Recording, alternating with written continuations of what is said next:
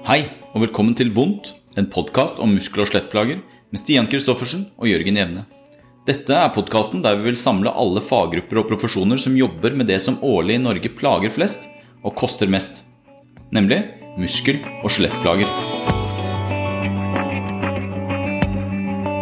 Driften av podkasten Vondt hadde vært umulig uten gode samarbeidspartnere. Vi vil derfor rette en oppmerksomhet mot våre to sponsorer.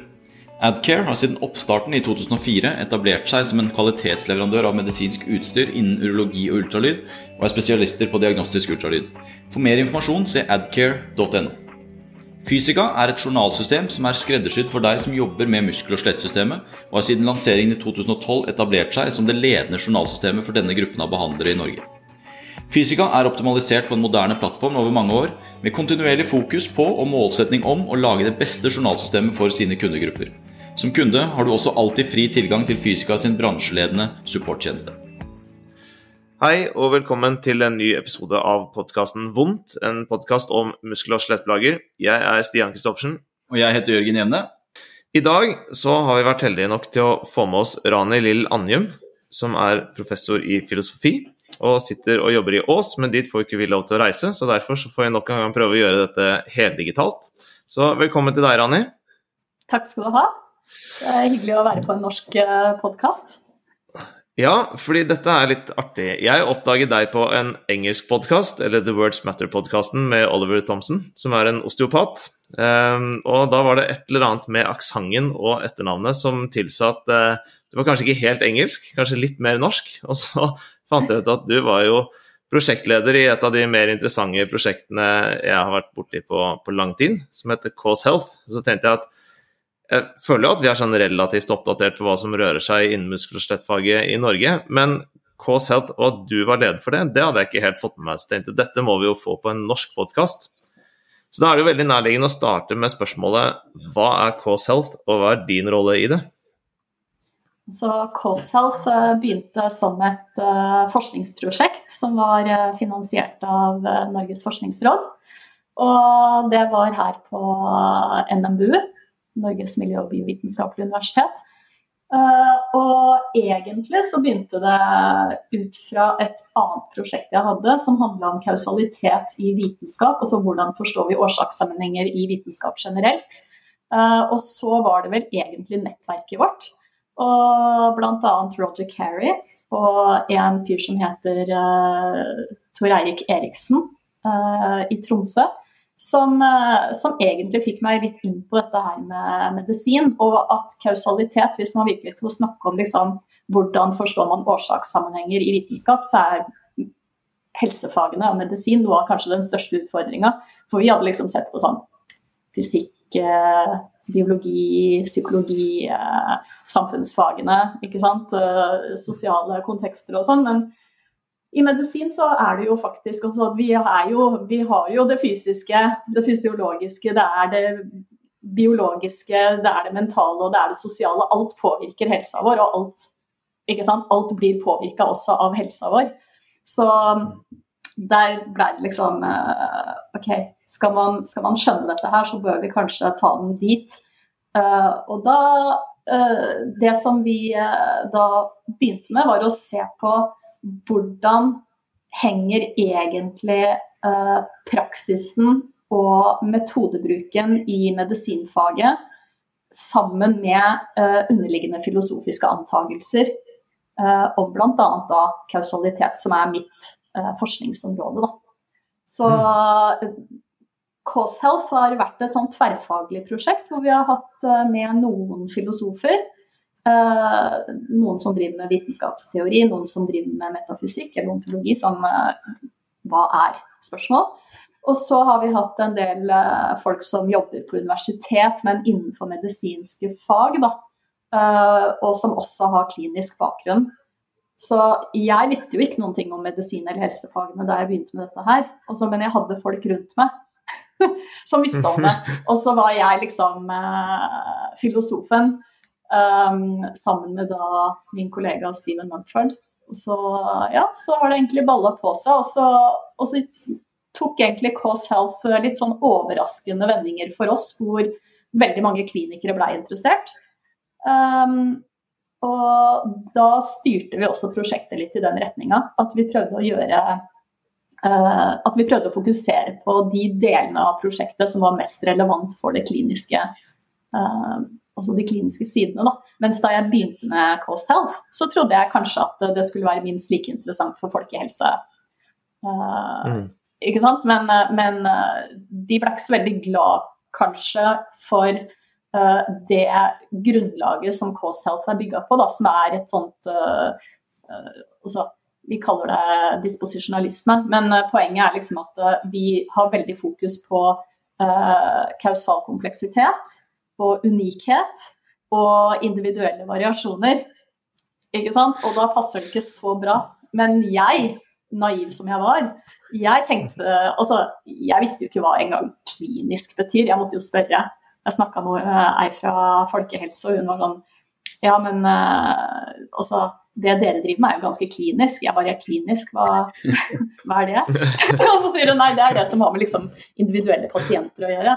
Vi er jo nødt til å gi råd som er til hele populasjonen. Mens de som jobber i det kliniske, de trenger jo bare å bry seg om akkurat sin pasient der og da. Mm. Ikke sant? Og da, ja, for de tingene henger jo ikke sammen. Nei, nei, men altså, du ser jo du ser forskjellen, ikke sant. At altså, du har fugleperspektivet, og så har du liksom OK, denne her konkrete. Og det, dette prosjektet har jo um, resultert i en uh, bok, uh, som, eller en e-bok i hvert fall, som kan lastes ned på, på nettsiden deres, callself.org. Og da jeg begynte å lese den, så føler du deg litt sånn kastet inn i X-fill og vitenskapsteori, eh, og tenker sånn Dette har jeg som fysioterapeut aldri vært borti før. Og hva i all verden skal jeg med filosofi og vitenskapsteori for å forstå faget mitt bedre? Kan ikke du, eh, kan ikke du hjelpe meg å forstå det bedre, Rani? Ja, altså egentlig så var det ganske seint i prosjektet at denne her bokideen ble født. fordi at eh, vi skulle egentlig skrive sluttrapport til Forskningsrådet. Eh, og så gira vi oss litt opp eh, og tenkte at men denne her sluttrapporten den kunne jo vært en sånn type håndbok for klinikere. Også hvor man liksom forteller hva er det som egentlig er de kliniske implikasjonene av det vi har funnet ut filosofisk. Um, og så balla det vel egentlig på seg, og så fikk vi brukt liksom den siste resten vi hadde av penger på prosjektet til å gjøre boka uh, åpen for alle. Så du kan kjøpe boka i, i fysisk form, men uh, vi ville gjerne at alle skulle ha mulighet til å lese den. Så mm. det er jo egentlig ikke en tradisjonell vitenskapsteoribok for klinikere. det er en bok om ganske dyp filosofisk teori. Fordi at vitenskapsteori handler jo ofte ikke sant, sånn her, ok, Hva er vitenskap, hva er det som teller som vitenskap, hva er det man best, hvordan får man best vitenskapelig kunnskap? Mens det vi gjør, er jo å gå inn og si hva slags virkelighetsforståelse, altså hva slags ontologi er det som ligger til bunn for både vitenskapelig praksis og eh, medisinsk praksis og annen type klinisk praksis. Da. Og hvordan er det vi mener at eh, den ontologien eller den grunnforståelsen bør endres? Og hva slags type implikasjoner vil det få uh, for metode og praksis? Så den er liksom veldig uh, filosofisk. Og du kan egentlig ikke ha lest de tingene før, fordi at det her er jo Uh, det her kommer jo direkte fra uh, akkurat den forskninga som vi driver med. Og det er jo veldig mange som driver med disposisjoner, uh, f.eks. sånn som det vi driver med, som vi kommer tilbake til. Uh, det er mange som driver med kausalitet, men K-self bygger på en helt bestemt forståelse uh, som da har vært utvikla i mine tidligere prosjekter, i de samarbeidene jeg har hatt der. Sånn at det her går jo liksom tilbake til 2007. Så Cosehealth begynte i, i 2015, da med et filosofisk grunnlag i bånn. Mm. Så det er derfor alt dette her da åpnes i den boka og kan mm. oppleves som ganske overveldende. Mm. Og jeg tror at mange blir, kan bli litt provosert hvis man ikke er enig eh, så kan man bli litt provosert av alt man er nødt til å kjøpe for å være med på K-Self-prosjektet sine Mm. premisser. Og så det er ganske mange og eh, detaljerte premisser. Hvis vi klarer å, å ta det litt overordna der, hva er det som skiller deres filosofiske grunnlag eller virkelighetsforståelse eller ontologi fra det som på en måte er den tradisjonelle måten å tenke på nå? Også, Det er først og fremst eh, forståelsen av eh, kausalitet, eller årsakssammenhenger. Um, den er eh, unik i, i akkurat sin form. Da. Også det finnes mange versjoner som ligner, men, men det er en helt bestemt så, ø, måte. Så vi prøver å utfordre den gjengse forståelsen. Og den, også det vi har prøvd å si da, i KSL, det er at evidensbasert medisin og praksis det bygger på eh, en tradisjonell forståelse av kausalitet, som er mye snevrere enn disse Bradford Hill-kriteriene.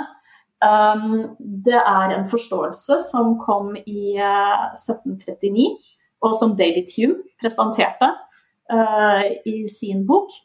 Og vi har liksom ikke kommet så mye videre etter det. Og det som han uh, da presenterte, det var en sånn rein empiristisk forståelse av kausalitet. Og empiristisk det betyr at du kan den eneste kunnskapen du kan stole på, er den du får gjennom observasjon, direkte observasjon. Og da blir observasjonsdata Det blir selvfølgelig veldig viktig. Og da blir alt som går utover de tingene du kan observere, det blir spekulativt. Fordi da begynner du liksom å lure på sånn Ja, hvorfor skjer egentlig de tingene her? Og så sier jeg men det, det kan du ikke vite. Det du kan se, det er jo hva som skjer. Ikke sant? Så da kan du tenke deg evidensbasert medisin handler om å uh, gi folk en bestemt type behandling, og så ser man hva som skjer. Så du observerer den behandlinga, og du observerer hvilken effekt den har. Men du spør ikke hvilken teori backer opp uh, vår antagelse om at den funker. Og så hele ideen med dette her evidensbaserte grunnlaget er at det, det er ikke så generelt kunnskapsbasert som det man skulle tro. Og så hele poenget er at uh, disse randomiserte, kontrollerte studiene de er tilstrekkelig kausal evidens og nødvendig kausal evidens. Og hvis man mener det, så er den forståelsen som Hume snakker om, helt riktig. Og det han sier, det er det at uh, hvis vi skal da se på um, hvis, vi, hvis, vi, nå skal finne ut om en behandling faktisk funker, uh, så må vi da se mange ganger. Vi må se det repetert mange ganger. Og det er jo fordi at hvis du bare ser noe som skjer én eller to eller tre ganger, så vet du ikke om, om det var en tilfeldighet. Ikke sant? Så du vet ikke om det skjer neste gang. Så jo flere repetisjoner du har, jo bedre. Du vil egentlig aldri for Hume ha nok repetisjoner, fordi det kan fortsatt være at det neste gang så funker det ikke. Og så ser du sånne ting som at årsaken kommer før effekten. Folk bør helst ikke bli friske før de har fått behandlinga. Og da er det jo ikke behandlinga som gjør dem friske. Så, uh, så dette her med det han kaller for temporalitet, da. Og så må det selvfølgelig være samme sted, samme tid. Det kan ikke være sånn at du får en uh, behandling, og så blir jeg frisk. Ikke sant? Uh, det er ikke kausalitet. Så, så, han sier men det er egentlig alt du vet. Og hvis man da skal bruke det i forskninga, da, så betyr det at det vi begynner med, det er å se Du leiter etter mønster, ikke sant, for gjentagelse. Når noe gjentar seg sjøl mange ganger, så begynner du å tenke hm, kan det være kausalitet her? Og så gjør du en, en studie, ikke sant? og så får du da det bekrefta. Og da blir det liksom sånn OK, hva slags type informasjon får du av en sånn type studie? Du får informasjon om hvor ofte noe skjer. Ikke sant? Hvor ofte blir folk friske når de får den behandlinga her? Og, og det Altså, det kan jo være en ren korrelasjon. Det kan være en ren tilfeldighet ikke sant? når du teller hvor ofte. Um, men det her er liksom ideen om at det i seg sjøl uh, er det vi trenger. Og jo oftere folk blir friske av en behandling, jo bedre kausal evidens er det. Og da er det ingen som bryr seg om hvilken teori underbygger dette her, fordi den teorien kan være feil. Og historien viser også at mange teorier har vært feil. Det er jo litt sånn som, også det å drive og spekulere om teori, det er litt sånn som når ikke sant, Aristoteles lurte på eh, hvordan det har seg liksom, at en mann og en dame kan lage et barn. Og så så han for seg da en, en, uh, at, at, en sædcelle f.eks., eller sæd, at, det, at det inneholder et menneske som blir planta i jorda. Det kan være at det var feil, da, men du hadde noe rett. Det som mm. skjer på overflaten, er riktig allikevel. Mm. Så Derfor så er man innenfor en sånn uh, type evidensbasert forståelse kritisk til uh, teoretiske forklaringer. Ikke sant? Og da blir det heller sånn at hvis man skal si Altså, hvor bra evidens har vi for at en behandling funker? Jo, 60 mm, 60% av gangene så skjer det. Ok, da kan jeg si til uh, en person som får en behandling at det er 60% sjanse for at uh, du blir frisk av den her. Ikke sant? Og det tallet følger direkte av den informasjonen som man har i studiene, og de resultatene i de studiene. Og da blir kausalitet Det blir som å se OK, her har vi en pai. Hvor stor del av den paien uh, av folk funker dette her på? Og det er liksom det du trenger å vite. Men den delen av paien hvor det funker, det er jo fortsatt bare en ren korrelasjon. Ikke sant?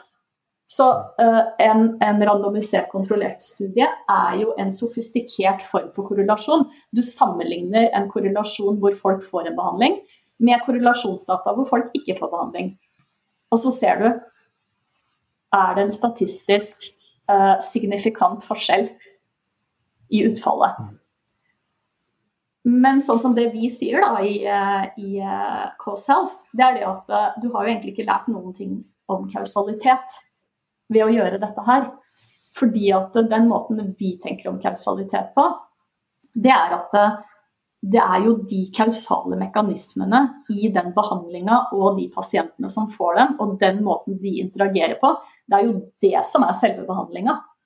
Ikke sant? Altså det å bare telle hvor ofte noe skjer ut fra Altså hvor ofte folk blir friske ut fra en type intervensjon, det forklarer liksom ikke hva det er som faktisk skjer inni de folka. Ikke mm. sant? Mm. Og det er jo folk, det er jo folk vi jobber med, da. Jeg har, jeg har kanskje ja. det, altså. Selv om jeg liker, jeg liker sånne lange monologer. Ja, så du skal få fortsette med det. Men det er jo det, det vi opplever da etter mange år i, i, i, det kliniske, er jo ofte det at pasientene våre og den behandlingen vi gir og de effektene vi ser, ikke alltid er representert i forskningen. Uh, man går inn og leser disse RCT-ene som sitter på toppen av evidenshierarkiet. Så hvis det er noe annet enn en RCT eller et systematisk review, så har du egentlig ikke, du har ikke livets rett til å mene noe som helst, nesten. Uh, men, men, så ser man jo at veldig mange av de faktorene som vi ser er viktige for behandlingseffekt, kanskje er kontrollert for i den RCT-en som gjøres, og at man ekskluderer veldig mange pasienter med komorbiditeter som ligner på de vi har i klinikken. Og da er det jo to store spørsmål som jeg syns melder seg, om, om forskningsmodellen klarer å favne de faktorene som vi faktisk ser kan gi effekt, og om de pasientene det forskes på er representative for de pasientene vi ser på, på klinikken. Da. Og hvis, de, hvis, hvis, hvis, vi ikke kan si det, altså hvis ikke pasientutvalget er representativt, og og hvis det er så mye eksklusjonskriterier at vi ikke kan kjenne igjen pasientene våre, så må det jo være, måte, det må jo være en kausalitet der likevel. Fordi disse pasientene blir jo enten bedre eller ikke bedre. Så noe er det jo som skjer. Så hvis man snakker innenfor den uh, Hume sin forståelse om kausalitet, da, så kan man jo bare si at dette her er et problem med uh, at vi har for dårlig evidens. At vi hadde trengt flere RCT-er. Vi trenger RCT-er for uh, flere undergrupper. Eh, problemet selvfølgelig det er det at uh, det å teste mange årsaker samtidig, også hvis det er flere momenter da, som spiller inn, uh, det gjør at man vet ikke hva det er som egentlig er ansvarlig for hva. Ikke sant? Men, men ut fra en sånn repetisjonsforståelse og sånn regularitetsteori, da, så burde man kunne si sånne ting som at ja, alle som har uh, den diagnosen her og får den behandlinga der, de blir friske, med mindre de også har denne komorbiditeten eller denne behandlinga. Så Så ideen er at hadde du hatt perfekte data, så skulle du kunne hatt perfekt kausal informasjon. Men det Hume sier, det er det at eh, en årsakssammenheng Det er ikke bare det at det skal være en perfekt form for korrelasjon, at hver gang du har årsaken, så skal du ha effekten. Men han sier at det skal også være en sånn type eh, Det skal være noe som utgjør en forskjell for effekten. Sånn at eh, årsaken Hvis ikke du hadde hatt årsaken, så skulle du aldri ha hatt effekten. Og da er måten å undersøke det på, det er å ta bort ikke sant? Du tar bort noe, og så ser du bør? Folk bør helst ikke bli friske uten, uten å ha fått den behandlinga. For da gjorde jo ikke behandlinga noen forskjell. Og det er jo én ting man har sett uh, ut fra hva jeg har forstått i, i, fysioterapi, det er at veldig mange av de behandlingene som fungerer for, uh, for pasienter, eller for mange enkeltpasienter, de gjør ikke noe statistisk forskjell. Uh, når du tester den gjennom RCT-er, og da virker det som at ja, men den funka ikke, for den funka egentlig ikke. Men, men, så er det jo det at en ting som jeg mener at man glemmer helt innenfor den der RCT-måten å tenke kausalitet på, det er jo all den kunnskapen som ligger til grunn eh, når vi syns at eh, det er plausibelt at en, en, behandling fungerer. Altså alt det man har lært i utdanninga si om hvordan kroppen funker. Ikke sant? Altså, det skal du på en måte se bort fra.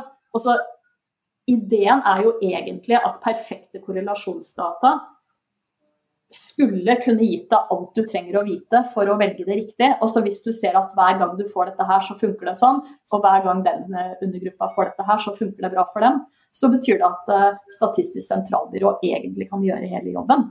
Du trenger egentlig bare å gi den behandlinga som du får beskjed om. Og det, uh, det som jeg syns er veldig kritisk med det, det er at vi kaller det kunnskapsbasert. Vi, vi mm. kaller det kunnskap. Men det her er en helt bestemt form for kausal evidens. Og hvis jeg f.eks. sier at eh, ok, nå, et rent fiktivt eksempel. da, Sett at noen skiller seg, og så sier de at det er det beste som har skjedd i hele deres liv.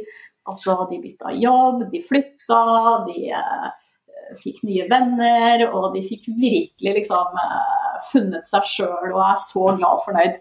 Og så vil man si at er egentlig alle de tingene du forteller om der, skilsmisse, flytt bytte, bytte jobb, det er egentlig ting som er uh, vist seg statistisk å være uhyre påkjenning for helsa og for velvære velværet. Så det du snakker om, er bare rene anekdoter. Også det kan umulig ha vært altså, Det er ikke derfor du er glad og fornøyd, fordi du har skilt deg, flytta og fått deg en ny jobb og nettverk.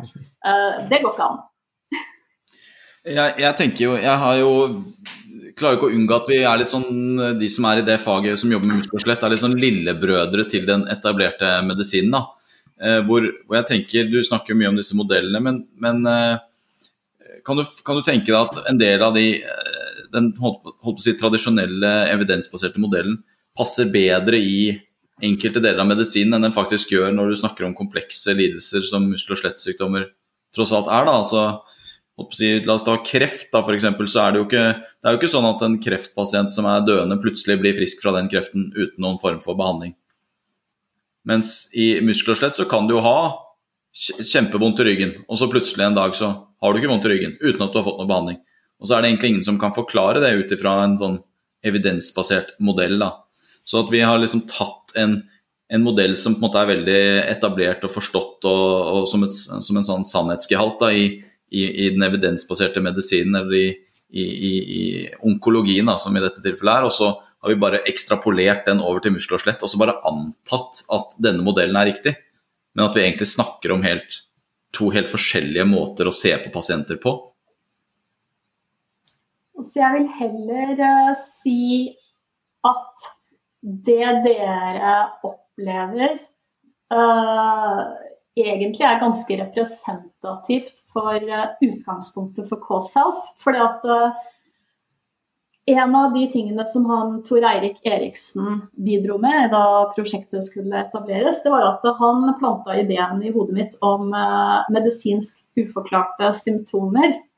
Og det er jo noe som først og fremst foregår innenfor medisinfaget. Og det er noe som først og fremst allmennleger uh, kommer borti. Og det er det at uh, 30-50% av alle plager som folk kommer med til legen, de er såkalt medisinsk uforklarte. Altså De har ikke klart å påvise en årsak gjennom RCT-er. Og En av de tingene som de snakker om, da, er nettopp det at ja, det er så komplekst. Det er så mange ting som spiller inn. Det er liksom ikke bare én ting. Og det er heller ikke lett å si liksom at alle de som har den og den eh, diagnosen, f.eks. Så f.eks. Eh, ryggsmerter, da eller kronisk eh, tretthet. Eller uh, irritabel tarm. Ja, fibromyalgi, uh, spenningshodepine. Altså, det er veldig mye, da, som du sier, at de, det er så mange momenter som spiller inn. Det er liksom ikke én biomedisinsk uh, forklaring på problemet. Og de har ekstremt store individuelle variasjoner. Og dette her med at noe er kausalt komplekst, og du har store individuelle variasjoner, det er jo noe som den forståelsen av kausalitet som jeg står for, det er liksom typisk for det. Mm. Og derfor så tenkte vi at ok, så hvis vi hadde begynt med en annen kausalitetsforståelse, så skulle egentlig de medisinsk uforklarte symptomene vært typisk kausalt, og ikke et problem for å påvise kausalitet. Så vi snudde det egentlig litt på hodet, og vi sa at det her som skal være liksom Ja, la oss fortsette å gjøre mer av det samme. Mer RCT, mer data, så skal vi til slutt klare å løse det. De viser egentlig at ja, men kanskje selv de type problemene som vi tror at vi har forstått fullstendig, og tror at vi behandler på en eh, fantastisk måte, at de har flere dimensjoner enn det vi forholder oss til. Og da var det en del folk som, eh, fra, fra, medisin, eh, fra medisinfaget da, som, som, eh, reagerte litt på disse medisinske uforklarte symptomene. For de sa at ja, men dette her Altså, alle komplekse lidelser er jo sånn. Kreft er også en kompleks lidelse. Det er masse forskjellige ting som spiller inn. Og det er jo ikke sånn at kreftgåten er løst heller. At man er så himla bra på å behandle kreft. Altså, vi har jo fortsatt uh, samme type behandling, ikke sant, som er ganske voldsom. Og det er enormt individuelle variasjoner. Så vi har ei i nettverket vårt som, uh, som, jobber innenfor dette her, og hun sier at det er veldig mye mer uh, å forstå. Sånn at det virker som at hvis man har én kausal faktor som man kan forklare, biomedisinsk, og man har funnet en behandling for, så ignorerer man alle de andre momentene som også spiller inn og gjør om du får utbytte av behandlinga eller ikke. Og det er litt sånn som uh, da hun fortalte meg at hvis du har uh, en bestemt bakterie, så kan du få uh, magesår. Men og da tenkte man at når man hadde funnet ut at det kom ut fra en bakterie, så tenkte man at ja, men uten den bakterien så får du ikke magesår. Så da har det jo ingenting å si hvordan livsstil du har, og hvordan diett du har. Men hun sier at men det viser seg jo at det er det ca. halvparten av alle har jo det har jo den Er det bakterie i kroppen? Ja. Uh, og, mens det som trigger det, det er jo sånne ting som stress og diett og Ikke sant? Men, men det har man da liksom regna helt ut. Mm. Fordi at mm. nei, vi vet hva som er årsaken. Det der er irrelevant. Du kan drikke så mye kaffe du vil på tom mage om morgenen, og røyke så mye du vil på tom mage, og det gjør ingenting. mm, sant. Det gjør noe. Hva? Vi har snakket en uh, del om kausalitet nå, uh, kanskje uten egentlig å, å, snakke sånn grunnleggende om hva, hva er kausalitet, da? Og hva er det som skiller din forståelse av kausalitet, eller deres forståelse av kausalitet, fra som kanskje vi har blitt opplært å forstå kausalitet i medisin? Så det vi eh, snakker om når det gjelder kausalitet, det er det at eh, vi må gå forbi det som er observerbart. Så det betyr at eh, vi må gå bort fra den der empiriske antakelsen om at vi kun kan vite det som vi observerer på overflaten. Også hvis man ser at uh, folk som uh, at Når folk røyker, så er det flere av dem som får hjerte- og karsykdommer. Så må det være noe i de sigarettene som interagerer med kroppen til folk, og som gjør at du utvikler hjerte- og karsykdommer. Og dette her bør Altså, den der prosessen den er jo ikke nødvendigvis observerbar direkte. Ikke sant? Og så uh, Det man uh, er nødt til å forstå, er det vi kaller for da disposisjoner. Også det er egenskaper som ligger til grunn, og som interagerer. Sånn at det er noen egenskaper i de sigarettene, og det er noen egenskaper i meg som gjør at når de interagerer, vi interagerer på en bestemt måte, så kan disse kausale prosessene skje. Så hvis man f.eks. sier at uh, OK, så jeg mista et glass i gulvet, og det knuste, så vil Hume si at OK, det har vi jo sett mange, mange ganger. Så det antar vi er kausalitet. Uh, du mister et glass i gulvet, det knuser, begge deler er observerbart. For en person som er disposisjonalist, så vil man si at ja, ja, men grunnen til at glasset knuste, er fordi at det har en bestemt type uh, egenskap, og det er at det er knuselig. Det er mange ting du kan miste i gulvet uten at det knuser. Så det er jo ikke sånn at når du mister noe i gulvet, så knuser det. Nei, nei. Det må være en bestemt type ting med en bestemt type egenskap. Og det er jo ikke sånn at hver gang du mister et glass i gulvet, så knuser det heller. Altså, du kan jo ha sånne tjukke vegg-til-vegg-tepper fra 70-tallet, og da er det jo ingenting som knuser når det detter ned. Så eh, det har også noe med hvilke type egenskaper som møtes. Så hvis man da sier at eh, ja, det å, det å ta en paracetamol, det fjerner hodepinen, så vil vi si at eh, ok, for det første Grunnen til at paracetamol funker, det er pga. disposisjonelle egenskaper som ligger i den uh, medisinen. Legger du den på bordet, så er det ingen hodepine som forsvinner. Du er nødt til å ta den, og den er nødt til å interagere med noen som har en bestemt reseptor. Og hvis ikke du har den reseptoren, så vil den ikke funke for deg. Så det er biologiske mekanismer eh, som det kommer an på. Og det som er med disposisjoner, er at eh, du vet ikke at de er der før de manifesterer seg. Ikke sant? Så du vet liksom ikke at et glass er knuselig før det har knust.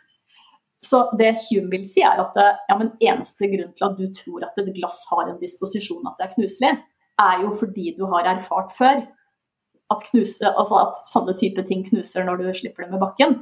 Men du vet ikke om dette glasset er knuselig. Altså, det vet du først når det knuser. Så øh, Mens det en disposisjonalist vil si, er at det eneste grunnen til at du ser disse her regularitetene, er fordi det er disse disposisjonene som ligger til grunn. Sånn at øh, hvis vi lurer på hvordan verden er, så må vi forholde oss til ting som er potensielt bra og dårlig for deg. F.eks. Eh, når det er sånne type uh, varselskilt. Det her er eksplosivt. Så er det ikke sånn eh, Jeg tror ikke det er noe særlig eksplosivt, for jeg har jo ikke sett at den har eksplodert. Ikke sant? Eller det her er brennbart. Nei, uh, det er ikke noe man trenger å forholde seg til. Altså, jeg forholder meg til ting når det brenner. Ikke sant? Altså, vi forholder oss hele tida til at vi lever i en verden av disposisjoner. Og det vi også vet, er at forskjellige ting har forskjellige disposisjoner. Sånn at hvis ikke vi forstår hva slags disposisjoner noe har, så vil vi risikere å behandle det på en måte som er øh, ganske farlig. Da. Ikke sant? Sånn at hvis du øh, tenker at, du, at, det er ja, veldig sunt med peanøttsmør, da.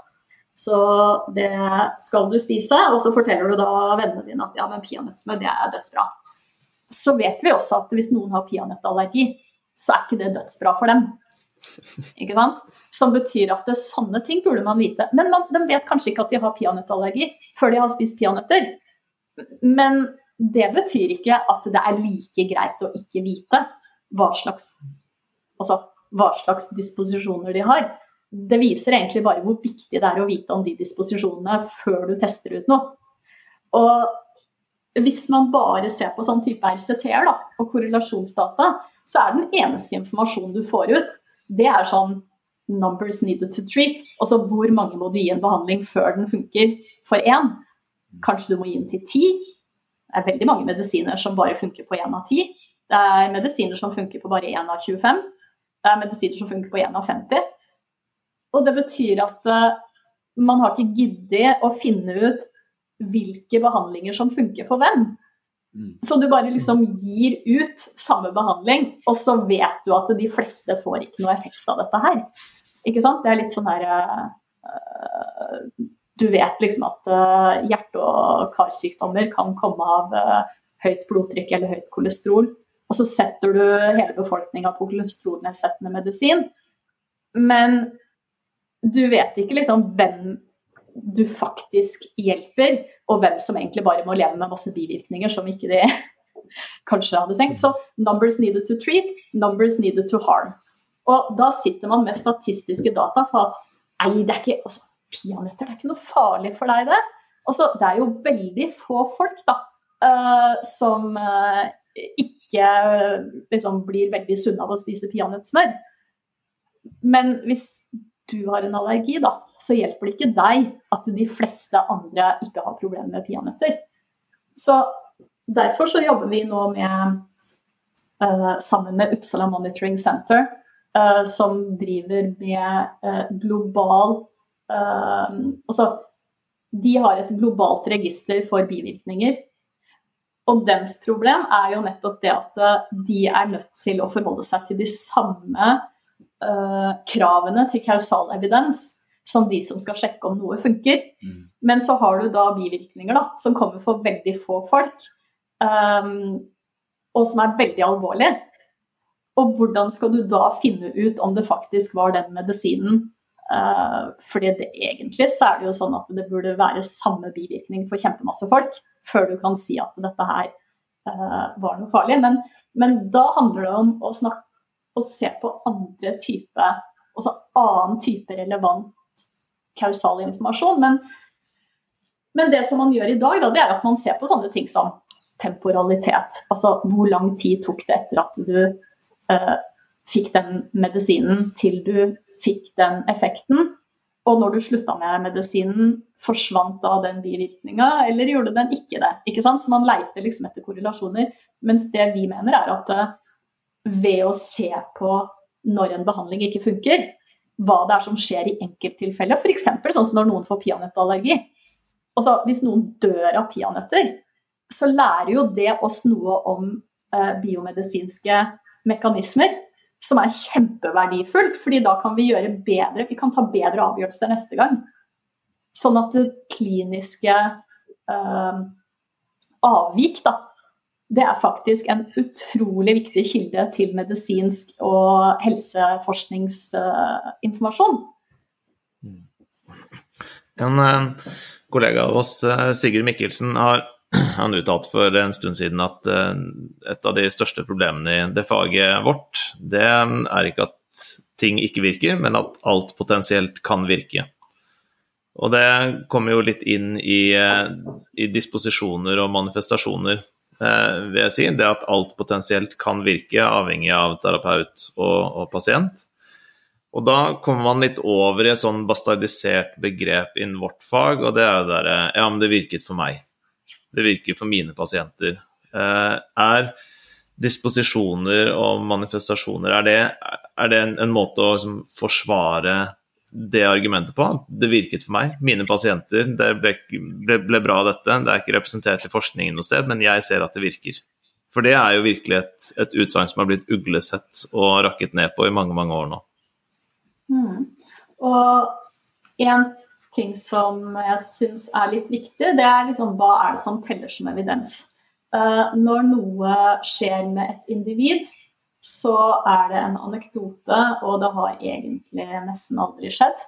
Hvis det skjer med et individ i en studie, så blir det registrert og rapportert og analysert og brukt.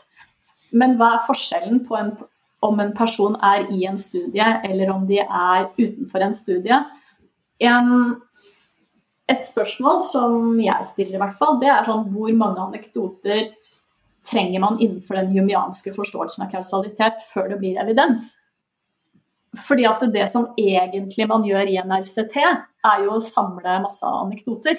Altså det er jo fortsatt det som skjer med folk, og de er fortsatt nødt til å rapportere sjøl ofte hvordan de føler seg og hvordan Det er ikke alltid noe kan måles i eh, blodtrykk eller blodprosent eller Så det der å, å stole på hva folk opplever, det er uh, veldig kontekstavhengig. Så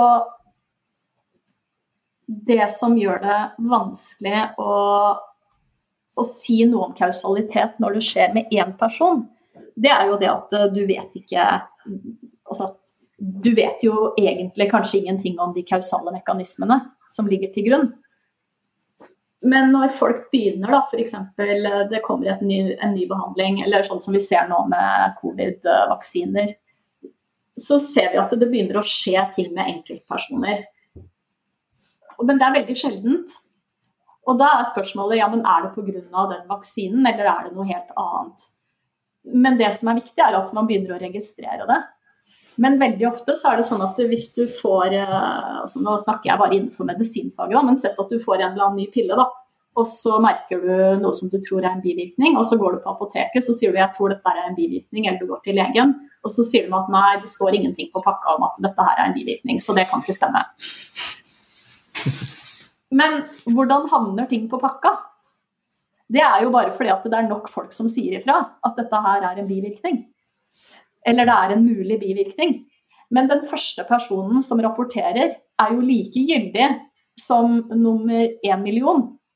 Så det er i hvert fall viktig å, å, være klar over at man faktisk anser det som skjer med individer, som kausal evidens. Det er bare det at det, mm, Nei, jeg tror ikke på den du forklarer. Vi må først se hva som skjer med andre folk. Og så kan jeg si om det som skjedde med deg, uh, var kausalt. Og, og selvfølgelig, uh, det er jo ikke sånn at, uh, at man vet at noe er kausalt bare fordi det skjer én gang. Men det som vi snakker om innenfor disposisjonsteorien, det er det at i prinsippet så er det mulig at kausalitet foregår kun én gang.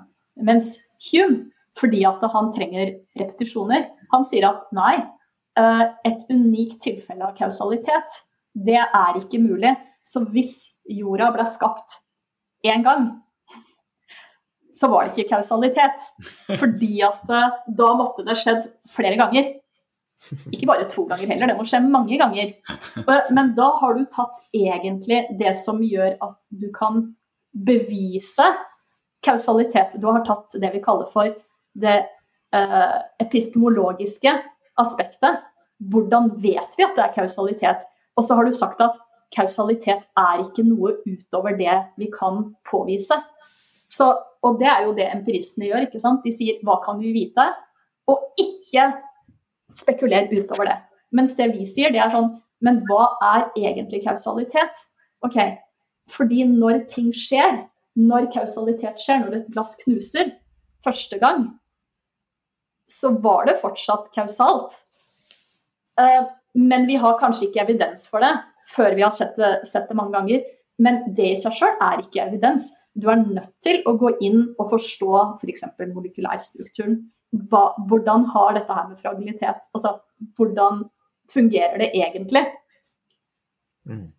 Sånn at eh, det vi sier er egentlig at du trenger mye, mye mer evidens enn RCT-er det er ikke sikkert du trenger RCT-er, men du trenger egentlig å forstå hva det er som skjer.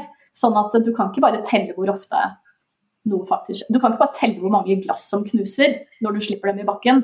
Du er nødt til å forstå hvorfor og i hvilke kontekster som et glass knuser når du slipper det i bakken. Og så er du nødt til å vite også hva slags type uh, momenter eller kontekstuelle faktorer er det som gjør at noe knuser fortere eller lettere eller at det skal mer til at det knuser. F.eks. så visste jo ikke jeg, før jeg hadde masse Ikea-glass, at eh, det å vaske dem i varmt vann gjør de mye mer knuselige. Så plutselig bare knuser liksom ett glass hver gang jeg vasker opp. Um, men da lærte jeg noe om det. Men det visste jo alle andre fra før. Uh, jeg, jo, jeg, jeg, tror både jeg og Stian og alle som hører på podkasten her, kjenner seg veldig godt igjen og, og, er veldig enig i alt det du beskriver om, om dette med det individuelle mennesket som sitter foran deg. For det er jo, det er jo veldig lite vi, vi, kjenner igjen eh, når vi ser på forskningen og, og, og den si, hva skal man kalle det, fremveksten av skepsis i samfunnet nå.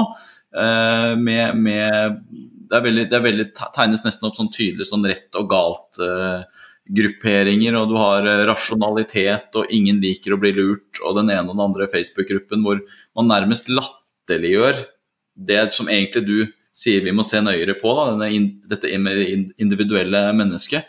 Ikke, Hvordan opplever du den, si, den fremveksten? Jeg syns det har nesten vært blitt mer polarisert og mer sånn eh, Jeg har rett og du har feil, jeg ser på disse RCT-ene her. og, og så, så, Hvis vi tar det tilbake til at, eh, at en vanlig allmennlege ser nesten 50% av pasientene er disse MUPS-pasientene med medisinsk uforklarte symptomer, så er det måte så paradoksalt at vi har en så stor del av samfunnet som tenker at det er eh, veldig sånn krystallklare sort-hvitt-svar, når vi vet at sannheten er et, et, sted midt imellom der, da.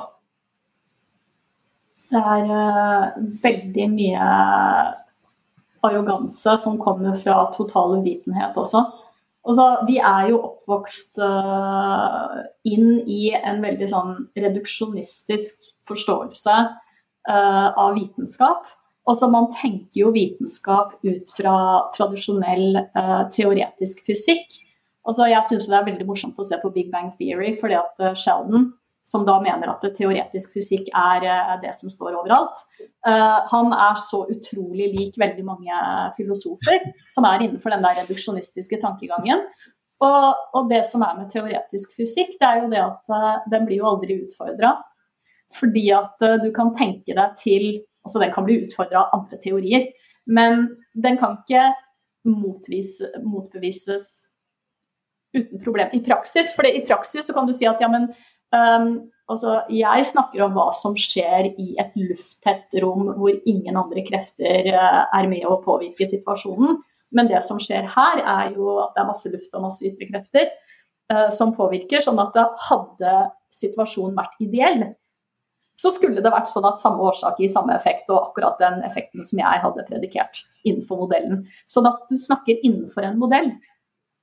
Og når man da sier sånn som Hume sier, da, samme årsak skal gi samme effekt, og under ellers like betingelser. Så. Men så er det jo det. Når er det du har like betingelser? I fysikken så har du jo bare like betingelser i modellen. Altså I laben så kan du prøve, når du driver med eksperimentell fysikk, så kan du prøve så godt du kan å skape ellers like betingelser. Men det er veldig mye forskning og innenfor biologi og innenfor medisin og innenfor uh, psykologi som ikke da uh, blir reprodusert fra én studie til en annen. Og så sier man å ja, men da var det ikke bra nok studie første gang. Uh, eller da var det kanskje noe som var forskjell mellom den studien og det vi gjorde her, sånn, fordi at det må jo ha vært noe som var ansvarlig da, for at det var forskjellig der og forskjellig her. ikke sant? Men, men ut fra en sånn type disposisjonsforståelse så skulle det bare mangle at når du prøver å ha et oppsett to ganger, så vil det være noe som blir forskjell, så lenge du ikke har en fullstendig lukka kontekst. Også hvis du skal undersøke f.eks. fruktfluer i laben din, eh, så har du en bestemt genetisk eh, streng. Og de må være identiske, fordi du må ha samme årsak, samme effekt over like betingelser. Men hvis du gjør det i en annen lab, så er det fortsatt i en annen lab. Ikke sant? Sånn at eh, hvis det skulle påvirke den kausale prosessen, det er jo ikke noe rart. Det som er interessant, det er å finne ut hvilke type uh, forskjeller var det som kunne påvirke prosessen? Det gir deg ny kausal informasjon. Å ja, når disse her eh, musene vi testa i den første studien, når de fikk lov å ha sånne hjul å løpe rundt i, uh, da ble jo utfallet noe helt annet enn når de var fysisk helt uh, inaktive. Sånn at, ja, Men det i seg sjøl er kjempeinteressant, i stedet for å si at husk at ikke de får hjul neste gang. Eh, fordi at de bør helst holde seg i ro, sånn at vi kan få reprodusert studien. Så du ser det er to forskjellige måter å tenke på. Den ene er at det beste er om du bare har nøyaktig de samme isolerte betingelsene mange ganger. Og den andre er hva kan vi lære av individuelle variasjoner? Mm. Og det tar oss jo litt over på, på dette med individuell tilnærming. Altså det er jo tydelig at det setter størst pris på studiedesign og modellene og metodene som kontrollerer for alt og gir like betingelser, og som du sier at lik årsak skal gi lik effekt under de samme betingelsene. Uh, innen trening så er det en kjent amerikansk college-trener som heter John Wooden, som sa at den eneste måten å behandle folk likt på, er å behandle dem ulikt. Og det er jo stort sett det vi gjør i pasientmøtene våre hele tiden. Jeg opplever jo at de klinikerne jeg syns er dyktige og ser opp til, er jo de som klarer å individualisere tilnærmingen sin sånn at den treffer best mulig til den enkelte pasienten som sitter foran. Eh, og da avviker det jo fra, det, fra den modellen da, som er framsatt som den beste måten å jobbe etter og beste måten å forstå, forstå verden på. Eh, så man går måte vekk fra det reduksjonistiske over i det holistiske. Og så har du programmer som Folkeopplysningen som da står og latterliggjør denne holistiske tilnærmingen i veldig stor grad, fordi vi har ingen evidens for å si at det virker. Så det blir jo et veldig stort gap mellom den, den situasjonen vi står i til daglig, hvor det vi ser er at det å individualisere fungerer best, eh, ikke det å dytte folk inn i en retningslinje som de åpenbart ikke passer inn i. Men da mister vi jo også, mister vi også muligheten til å si at vi jobber evidensbasert, da på en måte. Jeg syns det er kjempe, kjempegodt poeng. det der. Altså det, det Premisset her er jo på en måte at Folkeopplysningens modell som de presenterer på NRK, er den riktige, og at dermed alt annet blir feil. Og hvis du da skal argumentere imot den, så er du nærmest da sånn som det er blitt per definisjon en kvakksalver. Du får på en måte ikke tid til å forklare hva du mener engang, fordi når du sier at dette ikke blir riktig, så er det feil. Du har ikke på en måte muligheten til å, til å argumentere, og så er det veldig interessant når du ser nå i hvert fall innenfor muskel og skjelett, og det, det, er det som egentlig er litt interessant med den modellen du snakker om her, Rani. at Hvis vi ser at dette også nå begynner å bli et fellestrekk over hele medisinen, så er det jo på en måte på tide å spørre om, om vi trenger en ny modell for hele, den hele medisinske forklaringen. Altså, I hvert fall veldig tydelig innenfor muskel og skjelett at desto bedre og mer spesifikke metodene blir, og desto måte, tydeligere forskningsprotokollen blir, desto mindre forskjell er det i de to gruppene man sammenligner. Nesten uavhengig av hva slags intervensjon som gjøres. Det er uh, altså Hvis man bare godtar uh, eh, RCT-er som kausal evidens, um, og man mener at RCT-er er tilstrekkelig kausal evidens, så kan du egentlig legge ned det meste som er av studier. Og så kan du erstatte eh, alt av helsefaglige studier med veldig eh, gode apper eh, som analyserer statistiske data som kommer ut fra disse studiene. Og da trenger du kanskje, og du må jo vite et håndverk, da. Du må jo vite hvilken pille som går til hva, eller hvilken Altså hvordan man gjør en, en øvelse, da. Ikke sant? Eller Så men, men, det er jo litt da som å si også at det er latterlig av noen å påstå at uh, det var bra for dem å bli skilt og flytte og bytte jobb. Og det er det dummeste man noensinne har hørt, fordi det finnes ingen RCT-er som støtter akkurat det. Mm. Tvert imot så viser all statistisk forskning at det er helt motsatt. Det er noe av det mest stressende og kjipe du kan oppleve.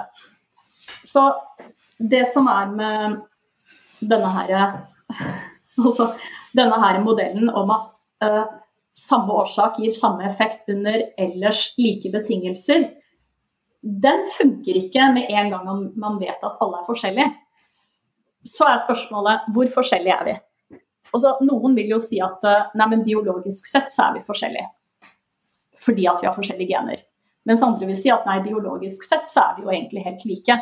Eh, det er nok som er likt til at eh, vi kan behandle folk likt. Og Det er derfor jeg er veldig interessert i bivirkninger og disse her eh, uventa utfallene.